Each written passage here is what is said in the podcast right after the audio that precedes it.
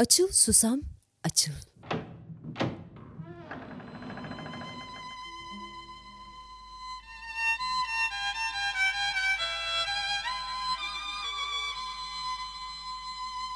Annemin masalları.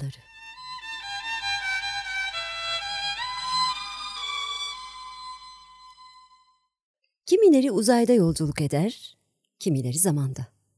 Biz de çıktığımız bu yolculukta bazen geçmişe gidiyoruz, bazen geleceğe, bazen de bugüne. Nerede kalmıştık diye notlarıma bakıyorum ki eminim sizler hatırladınız. Binbir Gece masallarının Avrupa'da yayınlanmasının ardından demişiz en son. Bu anlatılarla en çok düşünür ve bilim adamlarının ilgilendiğini söylemiştik. İşte bunlardan biri de Alman düşünür ve edebiyatçısı Goethe'dir. Goethe 1817'de bilimsel alandaki yeniliklere dair anlayışlarını derinleştirerek kültürel değerlerin bilimsel açıdan ele alınması gerektiği önemini vurgular ve bunun için morfoloji kavramını ortaya atar. Yunanca bir terim olan morfoloji, değişim ve dönüşümün bilimi, değişim ve dönüşümün mantığı demekmiş. Türkçe'ye halk bilimciler tarafından bu terim biçim bilim olarak kabul edilmiş. Yani bugün biyolojide en fazla kullanılan türler, cinsler, familyalar işte bu yöntemle bulunmuş. Halk edebiyatında yani sözlü geleneğin bir türü olan masallar genellikle evrensel bir özellik arz ederken aynı zamanda yerel ve milli unsurları da barındırabilen sözlü anlatılardır. Türk masallarına ilişkin en eski bilgiler Mevlana'nın yapıtlarında yer alıyormuş. Osmanlı döneminde doğrudan doğruya halk ağzından derlenerek hazırlanan bir masal kitabı ise Büllür Köşk adını taşıyor. Bu kitapta yer alan masalların ne zaman yazıldıkları ve kimler tarafından değerlendiği ne yazık ki bilinmiyor. Ama bunların örneklerinden de sizlere bol bol okuyacağız, hiç üzülmeyin.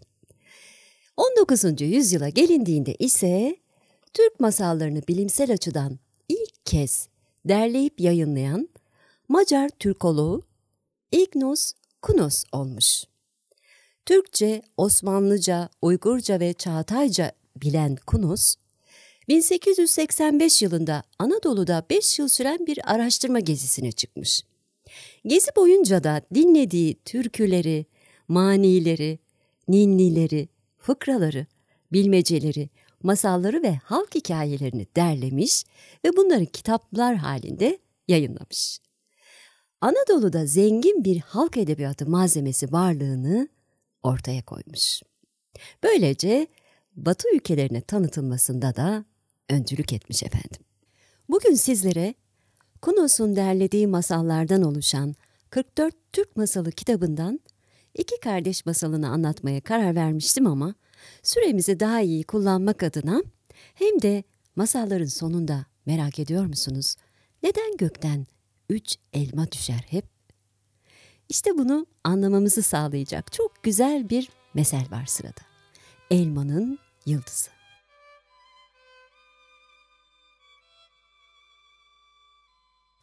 Elmanın yıldızı bir zamanlar bir bahçe varmış.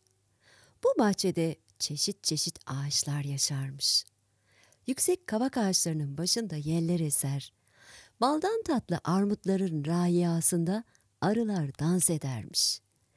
İnsanlar gündüz bilge çınarların gölgesinde hayallere, geceleri yıldızları seyredalarlarmış. Ağaçların dallarında kuşlar muhabbete dururlarmış. Bahçedeki tüm ağaçların, kuşların ve insanların gökyüzünde bir yıldızı varmış. Geceleri dünya uykuya çekildiğinde yıldızını bilen onunla konuşurmuş. Bu sebeple kalpler en çok geceleri ışıldarmış. Gecenin karanlığında daldaki bülbüller, gökteki yıldızlar ve kalpteki masal aşk ezgilerini daha güçlü mırıldanırmış. Herkesin bir yıldızı varmış, varmış da bir tek o bahçede yaşayan masalımızın kahramanı, küçük elma ağacının yıldızı yokmuş. Herkes yıldızıyla muhabbete dalarken, o dallarını toprağa doğru eğer, sessiz ve üzgün yeryüzüne ağlarmış. Bu sebeple kendini hep yalnız hissedermiş. Günlerden bir gün köyün bilgesi bahçede gezinirken genç elma ağacını görmüş ve ona ''Ne oldu sana böyle? Neden üzgünsün? Hadi söyle.'' demiş. Elma ağacı herkesin gökyüzünde bir yıldızı var. Bir tek benim yok. Benim de yıldızım olsa keşke demiş. Ve üzüntüden dallarını devirmiş. Bunun üzerine yaşlı bilge, üzülme evladım, sonbaharı bekle. Sonbaharda yine yanına geleceğim. O zaman sana bir sır vereceğim demiş ve oradan uzaklaşmış.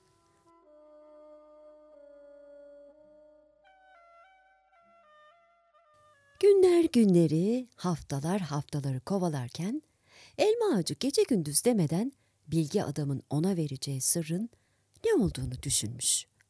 Sabırsızlıktan yerinde duramıyor, tatlı tatlı hayallere dalıyormuş. Sonunda sonbahar gelmiş çatmış. Yaşlı adam elma ağacının yanına yaklaşmış. Elma ağacının dallarında ışıl ışıl, mis kokulu, altın sarısı elmalar asılıymış. Yaşlı bilgi önce ağaca selam vermiş. Daha sonra da ağacın izniyle bir elma koparmış. Cebinden çıkardığı küçük çakısıyla elmayı ortadan ikiye bölmüş. Elinde tuttuğu elmanın yarısını ağaca göstermiş ve herkesin yıldızı gökyüzünde asılı. Senin yıldızın kalbinin derinliklerinde saklı. Senin gökyüzün kalbinde. Yıldızın orada parlıyor demiş. Ağaç kendi dalından kopan elmanın içinden ona göz kırpan yıldızı görünce çok sevinmiş. Öyle ki sevincinden kökleri titremiş, dalları mutluluktan kıpır kıpır olmuş. Elma ağacının mutluluğunu ve sevincini dünyevi hiçbir kelime tarif edemezmiş. O günden sonra elma ağacının gölgesinde soluklanmak için nice insanlar gelip geçmiş. Yolcular ağacın gövdesine sırtlarını dayayıp gündüzleri hayallere, geceleri yıldızları seyre dalarlarmış. Ah çekti mi bir yolcu elma ağacı hemen onun kucağına bir elma düşürülmüş. Kimisi elmayı alıp çantasına koyar, kimisi de onu yermiş. Bu yolcular elmanın kalbindeki yıldızın gösterdiği yolu hiç mi hiç göremezlermiş. Böylece kendi kalplerinin derinliklerinde yatan yıldızlarından haberdar olamazlarmış. Elma ağacı bunun üzerine o yolcuların bir de kafalarına elma düşürülmüş. Kimisi kızar, sinirlenir, düşen elmaya bile bakmaz. Kimisi elma ağacının bu son çağrısını duyar ve elmanın kalbinde yatan yıldızı keşfedermiş.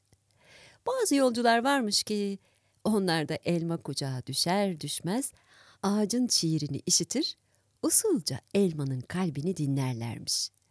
O kalpte yuva yapmış yıldız, işitenin kalp kapıları açılırmış. Elmanın kalbine yapılan yolculukla içerideki gökyüzünü keşfeden yolcu önce kendinden geçer, sonra kendine geri gelirmiş.